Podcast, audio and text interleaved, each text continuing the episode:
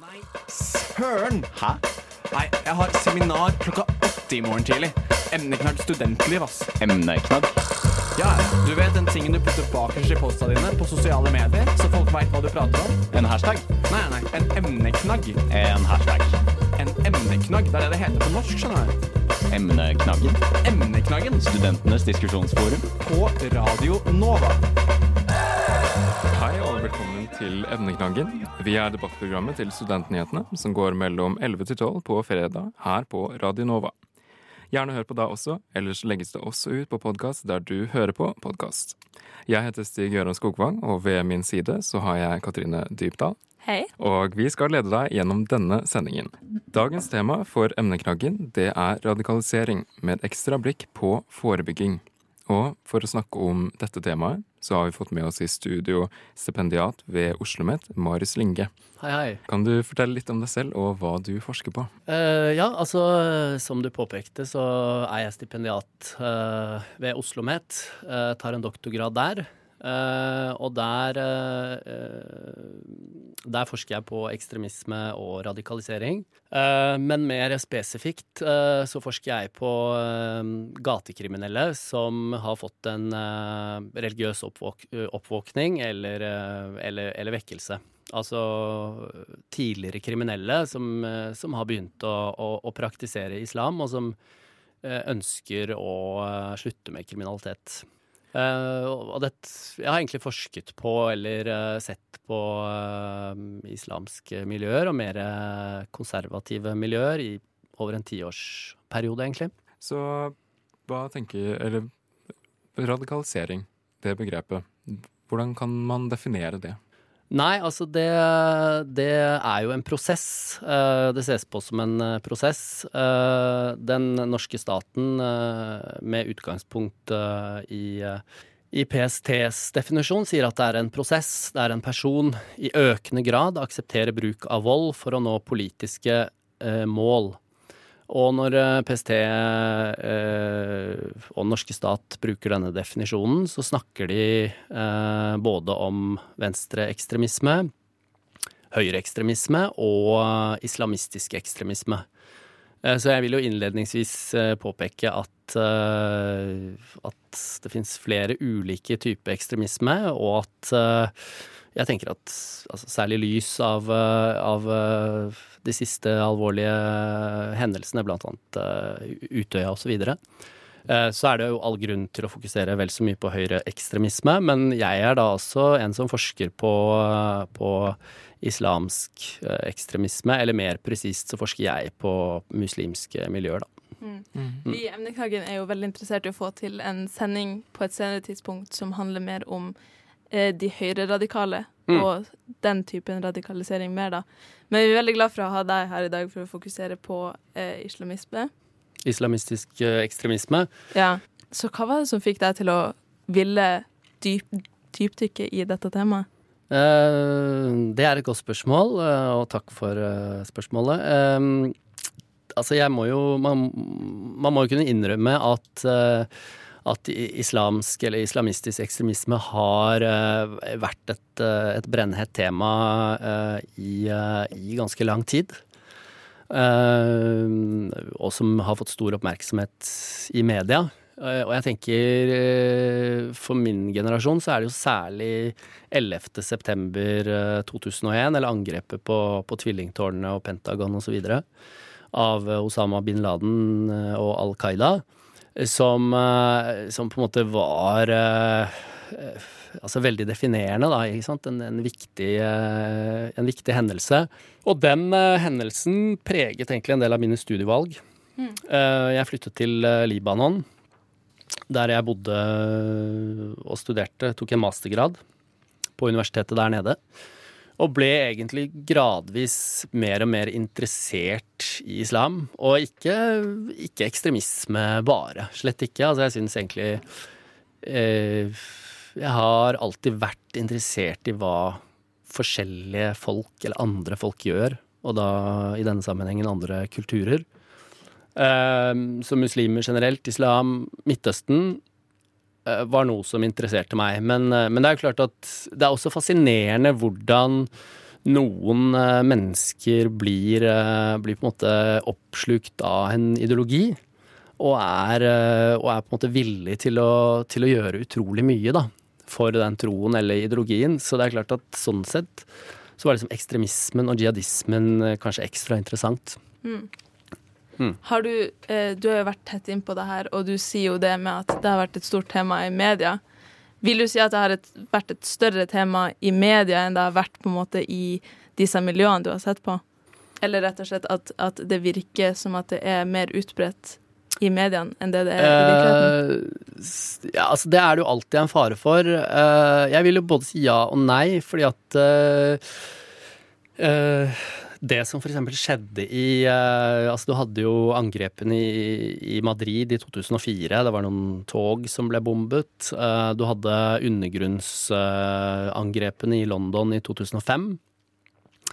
Eh, og du hadde jo selvfølgelig disse dramatiske angrepene midt i, i Paris, på Bataclan, det konsertlokalet osv. Eh, så sånn sett, altså disse tingene var Og så hadde jo fremveksten av den islamske, såkalt islamske staten. Og dette var jo ganske dramatiske hendelser. Eh, så jeg tenker at for media å ikke fokusere på det, eh, ville jo vært helt feil. Ja. Så sånn sett er det ok, men, men, men samtidig så er det jo klart at uh, media på godt og vondt uh, vil jo alltid ha en eh, take på ting, og gjerne satt litt på spissen. Og det er jo klart at nyansene i debatten har jo, har jo manglet. Og jeg tenker at Uh, uten at jeg har noen sånn eh, spesifikk forskning på det, eh, så, så tenker jeg at det er mange eh, i Norge som, som har på en måte et feilaktig inntrykk, eh, stereotypisk inntrykk av islam, da. Eh, kanskje som en følge av, eller om det er som følge av mediedekning, de har det i hvert fall. Og det, det tenker jeg at eh, mange kunne nok eh, gjerne visst at de aller fleste unge muslimer er eh, veldig moderate og veldig like ikke-muslimer, da. I ting de syns er viktig i livet, osv. Du har jo eh, også vært eh, litt nære eh, og intervjuet eh, personer i disse miljøene. Eh, hvordan har det vært, og hva, hva opplevde du? Ja, altså det er Altså i forhold til det så har jeg litt blandede følelser, fordi eh, Du vet jo Man vet jo hva noen av dem eh, enten støttet eller var involvert i. Altså jeg intervjuet Jeg har snakket med tidligere såkalte fremmedkrigere. Eh, og jeg har snakket med folk som var eh, involvert i Profetens Umma, som er altså den gruppen som var den mest, mest ekstreme, og som på et tidspunkt støttet først Al Qaida, men, men også IS. eh, da, da, da den kom. Og så har, jeg har jeg snakket med folk som har, som har hatt veldig lyst til å reise da, til Syria. Men som bestemte seg for å ikke gjøre det. Så jeg har snakket med litt sånn forskjellige folk, og vanlige ungdommer egentlig, som på et visst tidspunkt støttet IS. Uh, når, når IS på en måte var Kall det trendy, da, for å bruke et For noen var det det.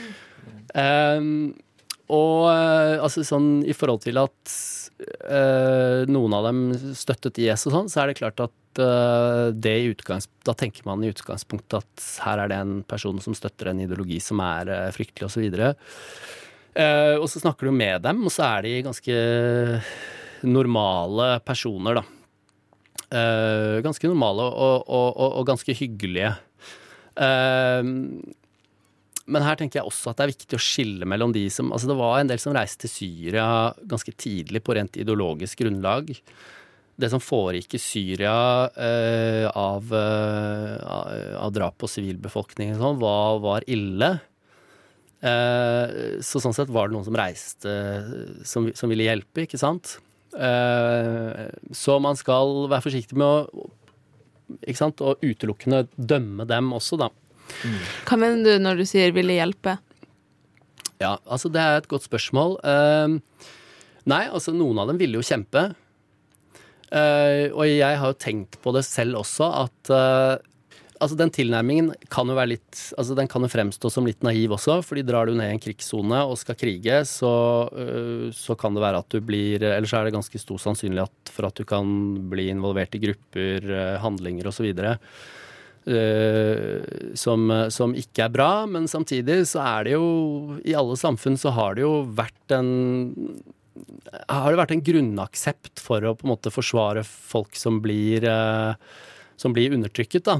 Og for deres, eh, altså for deres For noen av de personene sin del, at de rett og slett reiste ned for å, for å hjelpe mot, uh, mot den veldig brutale undertrykking som skjedde i, i Syria, kan man jo forstå til en viss grad. Mm. Ikke sant? Undertrykkinga av hvem? Nei, altså i, i Syria så var det jo ganske klart at, uh, at altså fredelige demonstranter, altså vanlige folk, som begynte å demonstrere i 2011, da, Mot myndighetene. mot myndighetene, som, eh, som, representerte, som har representert et veldig undertrykkende regime i, i veldig mange år. Eh, Bashar al-Assad, nåværende president, og hans far, Hafsel al-Assad. Eh, så, så dette var vanlige protester som, som ble meiet ned. Eh, så at eh, enkelte hadde lyst til å hjelpe, det kan man kanskje forstå isolert, men som jeg, som jeg poengterte i sted, så burde man kanskje også visst at, at en del av motstanden der nede var involvert i, i jihadistiske grupper osv., og, så videre, og at, sant, at det ville være en fare da for at man ble involvert i disse. da. Vi kommer eh, straks tilbake. Vi skal bare ha en liten pause. Emneknaggen. Vi er her nå i emneknaggen. Eh, Du eh, får fortsatt på Radionova. Vi er i en samtale med Marius Linge om eh, radikalisering. Vi fortsetter egentlig bare samtalen der den var. Ja, før pausen kom, så snakka vi om nordmenn som reiste ned til Syria tidlig. Nå snakker vi 2012. Ja. Eh, og du sa Nei, altså jeg sa at uh, um, en del av de som reiste tidlig um, For dem så var det nok idealistiske årsaker uh, veldig viktig. Uh, det at de ville hjelpe et syrisk folk som de uh, så på som, og, som, og som var undertrykket. Eh, så, så den ideologiske faktoren og motivasjonen er det på en måte viktig å understreke at det var en del som hadde. Eh, men så er det klart at eh, det, er, det er vanskelig å trekke grensen for Altså noen klare grenser for når en sånn reise er ideologisk, og når den går over til å være et bevisst valg om å, om å velge en gruppe. Eh, det, må, eh, det må jeg si. Men, eh, men, men jeg syns det var viktig å presisere det, at alle hadde ikke en intensjon, alle de som reiste, hadde ikke en intensjon om å, om å Tilslutte seg en IS. terrororganisasjon. en terror- Ja, som IS var jo på det tidspunktet uansett ikke etablert i Syria. Var dette mennesker med syrisk bakgrunn, for det meste? Det var veldig, altså de som reiste fra Norge, Ja. det var veldig sjelden eh, personer med syrisk bakgrunn. Uh, altså jeg Nå har ikke jeg fullstendig oversikt uh, men, uh, over nasjonalitetene på alle som reiste. Men, eh, men per nå så kan jeg ikke huske en eneste som hadde syrisk bakgrunn som reiste fra Norge. Som du har snakka med? Eh, nei, men altså to totale to, altså de, Av de ca. 100 som, eh, som reiste, uh, så kan ikke jeg huske noen med syrisk bakgrunn. Men det er også fordi at Norge har jo, altså før krisen i Syria, så hadde jo Norge veldig lite innvandrere fra Syria. Altså De største gruppene i, i, i Norge med muslimsk bakgrunn er jo pakistanere, somalere, vi har mye bosnere, vi har mye tyrkere. Mens, mens, mens, mens ikke fra Syria, da. OK. Men de sympatiserte med det syriske folket som ble undertrykt av regimet, og reiste ned for å hjelpe til der. De som eh, reiste, for for mange av dem så var det en viktig årsak, ja. Hvis vi skal gå litt over på det andre temaet vi skal snakke om, som er forebygging av radikalisering, og hva sivile institusjoner kan gjøre for Mm. å motvirke en sånn prosess. Mm. Har du noen tanker om det? Uh, ja, altså jeg mener jo i utgangspunktet at eh, Jeg mener at en god sosial eh, politikk eh, er viktig, også kanskje særlig i de områdene med høy innvandrerbakgrunn. Jeg tenker at disse tingene som å forebygge fattigdom og utenfors utenforskap, også kriminalitet er, er viktige ting. Jeg er ganske sikker på at hvis man har et ganske velfungerende samfunn som vi har i Norge, med ganske lav eh, arbeidsledighet og relativt lav kriminalitet, så tenker jeg at det bedrer sjansene eh, for, at, eh, for at man ikke skal få store, store ekstreme miljøer, da. Og da tenker jeg jo at en sammenligning med f.eks. Frankrike eller Paris er på sin plass. Hvor du har på en måte forsteder, store forsteder, hvor de sosiale problemene er, er, mye større, da. Og hvor du på en måte Og hvor Og fra disse stedene så har det jo vært De ekstreme miljøene har vært større, og det har vært større fremmedkrigervirksomhet. Nå mener ikke jeg å si at en sånn god sosialpolitikk er noe garanti for, for, å forebygge ekstremisme, fordi at Altså, jeg mener ekstremisme, det finner du også i, i vanlige miljøer, i middelklassemiljøer. vi vet jo at, at f.eks. at Anders Behring Breivik, en høyreekstrem Eh, terrorist. Eh, kom fra såkalt beste vestkant eh, på Skøyen. vi vet at han som heter Manshaus, som, som ble dømt, og som var involvert i angrepet, mislykkede angrepet på Al-Noor-moskeen i Bærum, at han kom fra såkalt beste vestkant på Eiksmarka i Bærum. Så, så ekstremisme, det, det kan få fotfeste overalt, da. Eh, jeg tenker at eh, det ofte bunner i en eh, identitetskrise og en søken etter noe håndfast, søken etter et fellesskap osv. Jeg tenker at den søkenen kan være mer sannsynlig og sterkere i marginaliserte miljøer. Men den type søken kan også finnes i favoriserte eller alle typer type samfunnslag, da. Eh, og vi har jo snakka litt før sending om i de kriminelle miljøene som du har sett på, da, mm. så ser du at eh, islam eller religion generelt kan fungere som en rettesnor for folk som har lyst til å vende seg fra det kriminelle miljøet. Og så det, kan de være sårbare og så bli radikalisert på den måten. Mm. Så du sa noe om, om forebygging av radikalisering i fengsel tidligere. Kan du gjenta det nå?